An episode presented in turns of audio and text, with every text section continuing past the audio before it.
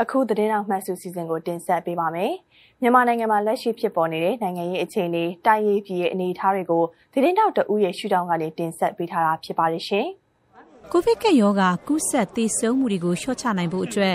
နိုင်ငံအတွင်းမှာဦးစားပေးအုပ်စု12ခုကိုကိုဗစ်ကာကွယ်ဆေးအရင်ဆုံးထိုးပေးခဲ့တာပါ။ ဒီအထဲမှာအသက်65နှစ်အထက်ရှိသူတွေကျန်းမာရေးဝန်ထမ်းတွေနဲ့တက်ကြီးရွယ်အိုတွေအပါအဝင်လုပ်သားအများဆုံးစုဝေးရာအုပ်စုတွေကိုလည်းဦးစားပေးထိုးနှံပေးခဲ့ပါတယ်။ဒါအပြင်အသက်55နှစ်အထက်ရှိတဲ့သူတွေ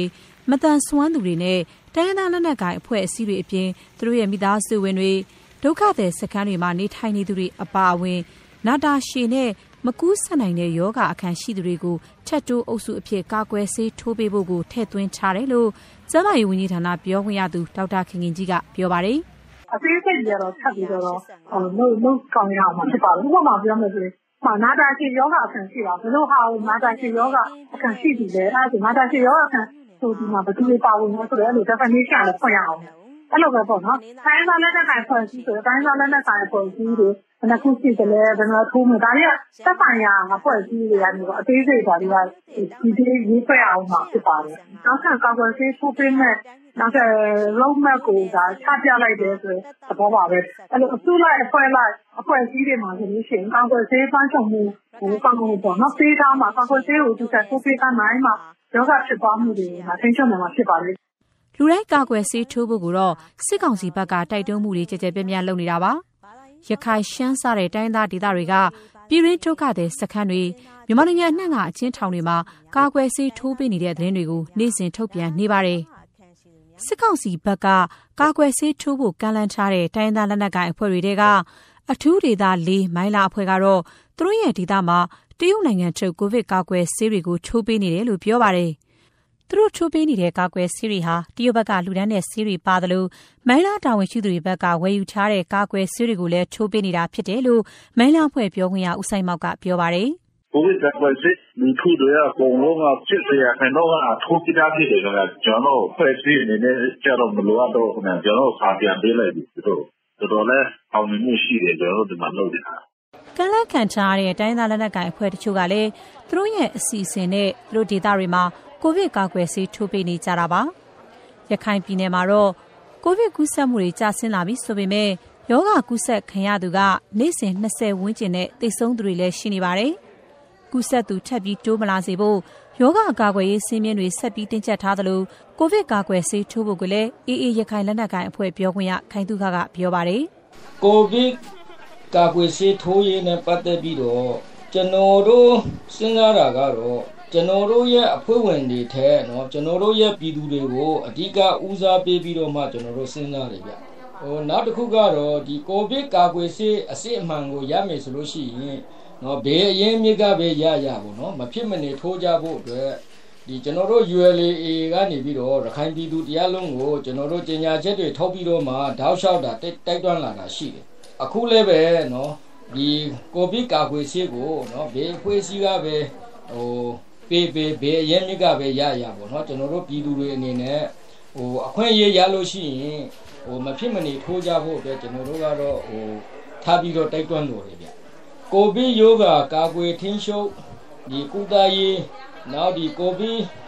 ဟိုကာကွယ်ဆေးထိုးရေးကိစ္စတွေနဲ့ပတ်သက်ပြီးတော့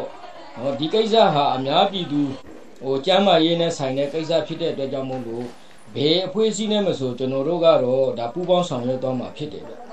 နိုင်ငံတွင်းမှာကယောဂါတတိယလိုင်းတန်ခက်ခက်ခက်ခဲရင်ဆိုင်ခဲ့ရပြီးတဲ့နောက်ကာကွယ်ဆေးထိုးနှံဖို့ကိုပြည်သူတွေအကြားပိုးပြီးတော့စိတ်ဝင်စားလာကြပါတယ်။ကျန်းမာရေးဝန်ကြီးဌာနရဲ့အစီအစဉ်နဲ့ကိုဗစ်ကာကွယ်ဆေးထိုးတဲ့သူတွေရှိတယ်လို့ကိုယ့်အစီအစဉ်နဲ့ကိုအခချင်းငွေပေးပြီးကာကွယ်ဆေးထိုးကြသူတွေလည်းရှိပါတယ်။ကိုဗစ်ကရောဂါကြောင့်သေဆုံးမှုကိုလျှော့ချနိုင်ဖို့ကာကွယ်ဆေးထိုးကြဖို့ကျန်းမာရေးပညာရှင်တွေကလည်းတိုက်တွန်းထားပါတယ်။ မြန်မာနိုင်ငံမှာအိန္ဒိယနိုင်ငံထုတ်ကိုဗစ်ကာကွယ်ဆေးကိုပထမဆုံးထိုးပေးခဲ့တာပါ။ဆီယနာမသိန်းခင် NLD အစိုးရလက်ထက်မှာဦးစားပေးအဆင့်အလိုက်သတ်မှတ်ပြီးကာကွယ်ဆေးထိုးပေးခဲ့တာဖြစ်ပြီးအပြည့်အဝထိုးပြီးသူတွေရှိပေမဲ့လို့အခုနှစ်ဇွန်လထဲမှာပရမဆေးတလုံးထိုးထားသူတွေအတွက်အိန္ဒိယနိုင်ငံကနေကာကွယ်ဆေးအချိန်မီထပ်မရောက်လာလို့တရုတ်နိုင်ငံထုတ်ဆေးတွေကိုအစကနေပြန်ထိုးဖို့ကျန်းမာရေးဝန်ကြီးဌာနကတိုက်တွန်းထားပါတယ်။ ထုတ်လုပ်တဲ့ကုမ္ပဏီချင်းမတူတဲ့ကိုဗစ်ကာကွယ်ဆေးကိုပြောင်းထိုးတဲ့အခါဘယ်လိုအာနိသင်သက်ရောက်မှုရှိမလဲဆိုတာကိုလည်းပြည်သူလူထုကစိတ်ဝင်စားနေပါတယ်။ကမ္ဘာ့ကျန်းမာရေးအဖွဲ့အရှေ့တောင်အာရှဒေသကာကွယ်ဆေးဆိုင်ရာနည်းပညာအကြံပေးပါမောက္ခဒေါက်တာစောဝင်းကတော့ယောဂကာကွယ်နိုင်ဖို့ရတဲ့ကာကွယ်ဆေးအရင်ထိုးထားဖို့ရှင်းပြပါတယ်။တစ်မျိုးနဲ့တစ်မျိုးပြောင်းဆိုတော့လောလောဆယ်တော့လေဟိုကဘာမှာတော့အဲ့လို recommendation တော့မရှိသေးဘူး။ ဒါပေမဲ့လည်းဟိုနောက်ပိုင်းတော့ ရှိလာနိုင်တယ်ပေါ့နော်။ဥပမာဆိုတော့ COVID-19 နဲ့ Sputnik နဲ့ တွဲပြီးတော့ ထိုးတာကိုသူတေသနလုပ်နေတာ ရှိတယ်နော်။အေးအဲကျွန်တော်မြင်တော့ ဒီကာကွယ်ဆေးတွေကကိုဗစ်ရှိဒုတိယကြိမ် မထိုးပြလဲဒီဆိုင်လိုဖန်ကိုတစ်ကနေ ပြန်စထိုး ဘာမှ အနေမရှိပါဘူး။ပြည့်ရှိကြမရှိပါဘူး။အကျိုးသာ ရှိဖို့ ရှိပါတယ်။ကျွန်တော်တို့အဲ့လိုထိုးတာ အားပေးပါတယ်တကယ်လို့နော်ကိုဗစ်ရှိနှစ်ကြိမ်များလဲဆိုင်လိုဖန်နှစ်ကြိမ် ထိုးပါတော့ရပါတယ်။ မြန်မာနိုင်ငံမှာ ကိုဗစ်ထိန်းချုပ်ရေးအတွက် ကာကွယ်ဆေးရရှိရေး အထူးလေးထားလှုပ်ဆောင်ခဲ့ပြီးနီလန်မျိုးစုံနဲ့ကျိုးပန်းဝယ်ယူထားတဲ့ ပြည်ပနိုင်ငံတွေက ကိုဗစ်ကာကွယ်ဆေးတွေဇက်တိုက် ရောက်လာနေတဲ့အတွက် အခုနှစ်မကုန်ခင် လူဦးရေ90ရာခိုင်နှုန်းကို ဆေးထိုးပြီးအောင် မျှော်မှန်းချက်ထား ဆောင်ရွက်နေတယ်လို့ စစ်ကောင်စီဥက္ကဋ္ဌ ဗိုလ်ချုပ်မူကြီး မင်းအောင်လှိုင်က ပြောပါတယ်။ကျမကြီးဝန်ကြီးဌာန တာဝန်ရှိသူတွေကလည်း ကိုဗစ်ကာကွယ်ဆေး24သန်း ဒီနှစ်ထဲ ရောက်လာဖို့ရှိတယ်လို့ VOA ကို ပြောထားပါတယ်။